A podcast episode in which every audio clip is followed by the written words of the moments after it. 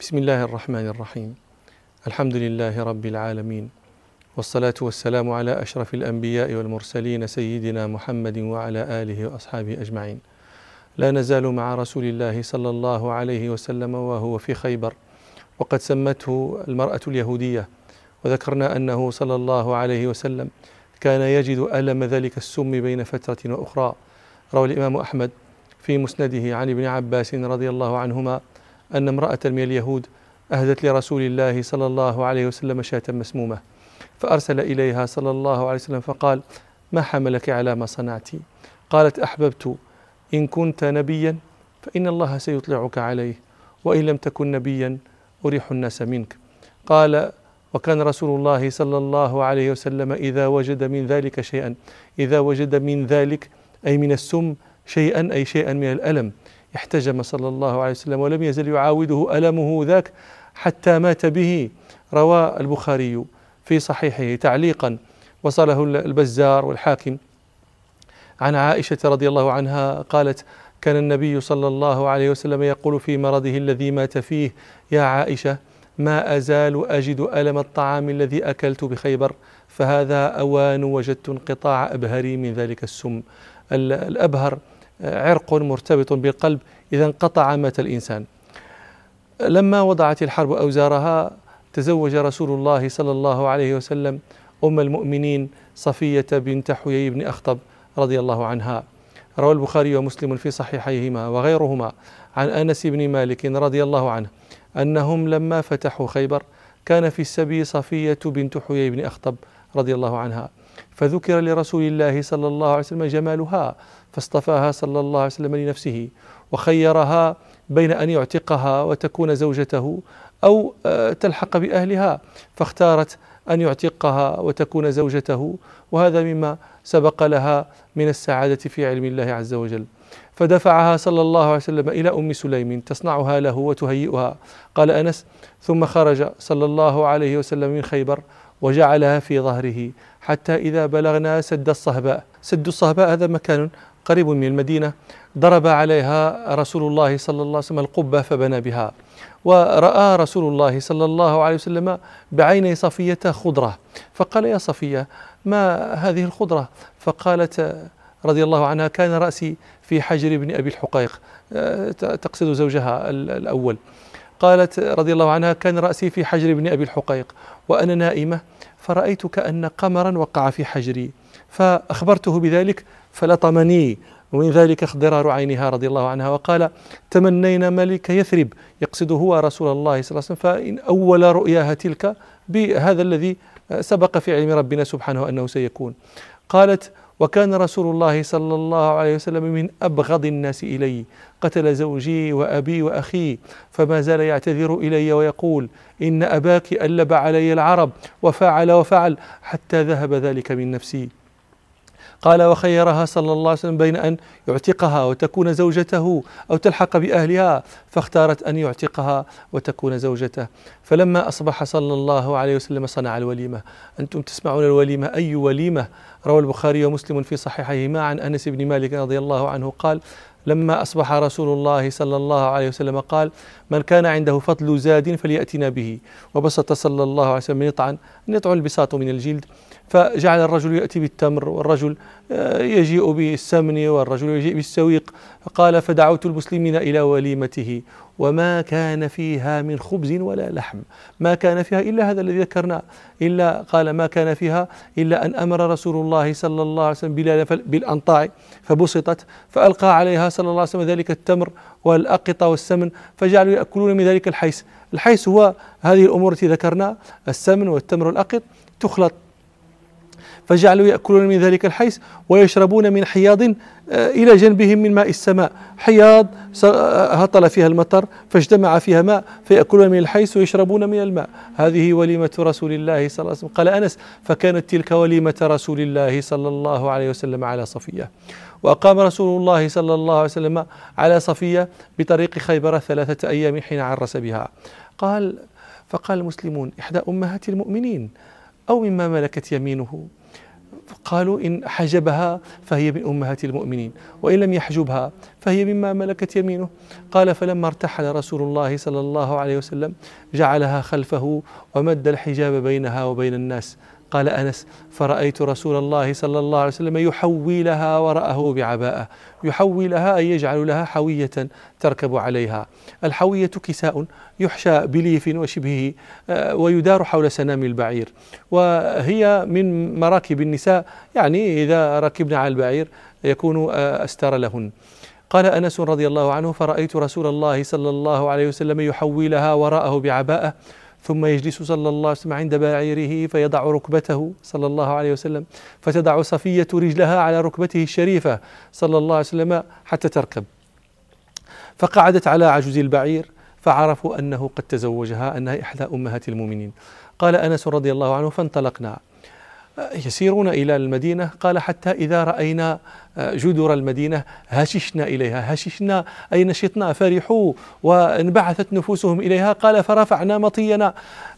حثوا مطاياهم على الإسراع ورفع رسول الله صلى الله عليه وسلم مطيته هش أيضا صلى الله عليه وسلم هو أيضا إلى المدينة قال فعثرت ناقته العضباء فصرع رسول الله صلى الله عليه وسلم وسقطت المرأة قال فليس أحد من الناس ينظر إليه ولا إليها لأنها أم من أمهات المؤمنين فيخشون أن يظهر منها شيء فلذلك ليس ينظر أحد إليها قال فاقتحم أبو طلحة عن ناقته نزل عنها فأتى رسول الله صلى الله عليه وسلم فقال يا نبي الله جعلني الله فداءك هل أصابك من شيء؟ فقال صلى الله عليه وسلم لا ولكن عليك بالمرأة إنها أمكم.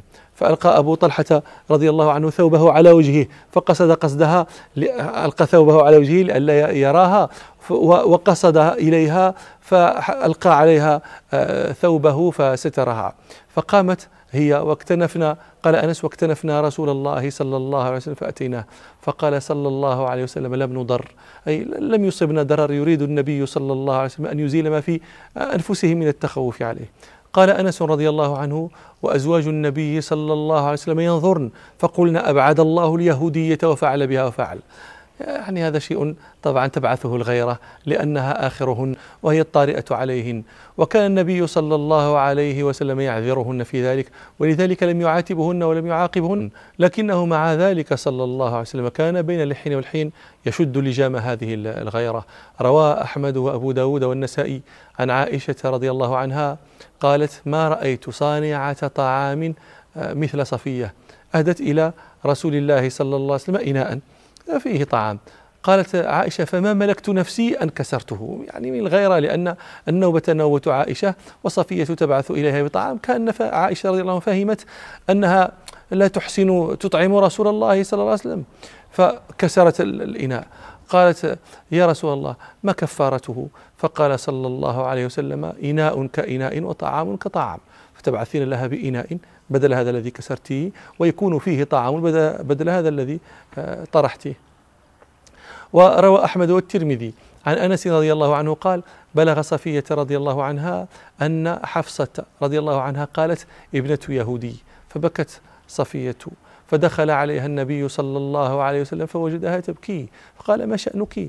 قالت قالت لحفصة إني ابنة يهودي. فقال لها رسول الله صلى الله عليه وسلم إنك ابنة نبي وإن عمك لنبي وإنك لتحت نبي ففيما تفخر عليك؟ ثم قال صلى الله عليه وسلم لحفصة اتق الله يا حفصة.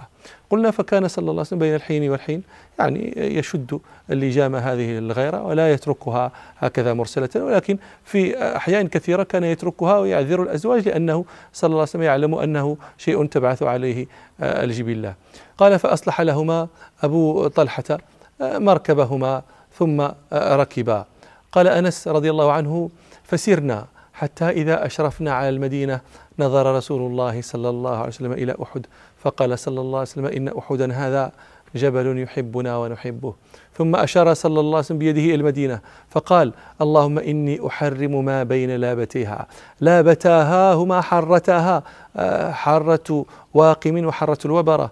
قال صلى الله عليه وسلم اللهم إني أحرم ما بين لابتيها بمثل ما حرم إبراهيم مكة. أن يقطع عضاهها أو يقتل صيدها. اللهم بارك لهم في مكيالهم وبارك لهم في صاعهم وبارك لهم في مدهم. يعني صلى الله عليه وسلم أهل المدينة. اللهم اجعل بالمدينة ضعفي ما جعلت بمكة من البركة. وهذا شيء آه، يعرفه أهل المدينة أن ربنا سبحانه قد استجاب دعوة نبيه صلى الله عليه وسلم. فقد حدثني الطارئون على المدينة فضلا عن أهلها أن ما يكفيهم في المدينة لا يكفيهم ضعفه إذا كانوا آه، في غيرها. قال أنس رضي الله عنه حتى إذا كنا بظهر المدينة قال رسول الله صلى الله عليه وسلم آيبون تائبون عابدون لربنا حامدون. قال فلم يزل يقول ذلك حتى دخل المدينة. فلما فرغ رسول الله صلى الله عليه وسلم من خيبر قدم عليه ابن عمه جعفر بن أبي طالب وأصحابه من مهاجرة الحبشة. وكان رسول الله صلى الله عليه وسلم قد بعث إلى النجاشي ملك الحبشة. بعد الحديبية بعث إليه عمرو بن أمية الضمري رضي الله عنه وكتب معه إليه أن يرسل إليه من بقي عنده من أصحابه. ففعل النجاشي وحملهم في سفينتين. روى الحاكم عن جابر رضي الله عنه قال لما قدم رسول الله صلى الله عليه وسلم من خيبر قدم جعفر رضي الله عنه من الحبشة فتلقاه رسول الله صلى الله عليه وسلم وقبل جبهته ثم قال والله ما أدري بأيهما أنا أفرح بفتح خيبر أم بقدوم جعفر. وقدم مع جعفر وأصحابه الأشعريون. رهط أبي موسى الأشعري رضي الله عنه وكانوا ثلاثة وخمسين أو اثنين وخمسين رجلا. روى البخاري ومسلم في صحيحيهما. عن أبي موسى الأشعري رضي الله عنه قال بلغنا مخرج النبي صلى الله عليه وسلم ونحن باليمن. قال فخرجنا مهاجرين إليه. أنا وأخوان لي أنا أصغرهم أحدهما أبو بردة والآخر آه، أبو رهم. قال آه، في بضع آه، وخمسين إما ثلاثة وخمسين أو اثنين وخمسين رجلا من قومي. قال فركبنا سفينة فألقتنا سفينتنا إلى النجاشي بالحبشة. يعني كأن الريح هاجت عليهم فدفعتهم إلى بلاد الحبشة. قال فوافقنا جعفر بن أبي طالب وأصحابه عند النجاشي. فقال جعفر إن رسول الله صلى الله عليه وسلم بعثنا ها هنا وأمرنا بالإقامة فأقيموا معنا. قال فأقمنا معه حتى قدمنا جميعا فوافقنا النبي صلى الله عليه وسلم حين افتتح خيبر. قال فأسهم لنا. وما قسم رسول الله صلى الله عليه وسلم لأحد غاب عن فتح خيبر منها إلا لمن شهد معه إلا أصحاب سفينتنا مع جعفر وأصحابه. قسم لهم رسول الله صلى الله عليه وسلم مع الفاتحين لخيبر. قال وانطلق المسلمون راجعين إلى المدينة. وكانوا في طريق عودتهم يذكرون الله ويجهرون بذكره لما فتح ربنا سبحانه عليهم من الخير. ورسول الله صلى الله عليه وسلم مردف خلفه أبا موسى الأشعري الذي هو حديث عهد بوصول مع رهته الأشعريين. فأرشد رسول الله صلى الله عليه وسلم أصحابه إلى ترك ذلك الجهل المفرط. روى البخاري ومسلم في صحيحيهما. عن أبي موسى الأشعري رضي الله عنه قال لما غزا رسول الله صلى الله عليه وسلم خيبر أشرف الناس على واد فرفعوا أصواتهم بالتكبير. الله أكبر الله أكبر لا إله إلا الله. فقال رسول الله صلى الله عليه وسلم اربعوا على أنفسكم. إنكم لا تدعون أصم ولا غائبا. إنكم تدعون سميعا قريبا وهو معكم. قال أبو موسى وأنا خلف دابة رسول الله صلى الله عليه وسلم فسمعني وأنا أقول لا حول ولا قوة إلا بالله. فقال لي يا عبد الله بن قيس وهو اسمه آه، أبي موسى الأشعري. قال قلت لبيك يا رسول الله. قال ألا أدلك على كنز من كنوز الجنة؟ فقلت بلى يا رسول الله في ذاك أبي وأمي. فقال صلى الله عليه وسلم لا حول ولا قوة إلا بالله. وقدم على رسول الله صلى الله عليه وسلم أيضا وهو في خيبر الدوسيون. فيهم أبو هريرة رضي الله عنه والطفيل بن عمرو آه، الدوسي رضي الله عنه وعبد الله بن أزيهر رضي الله عنهم أجمعين.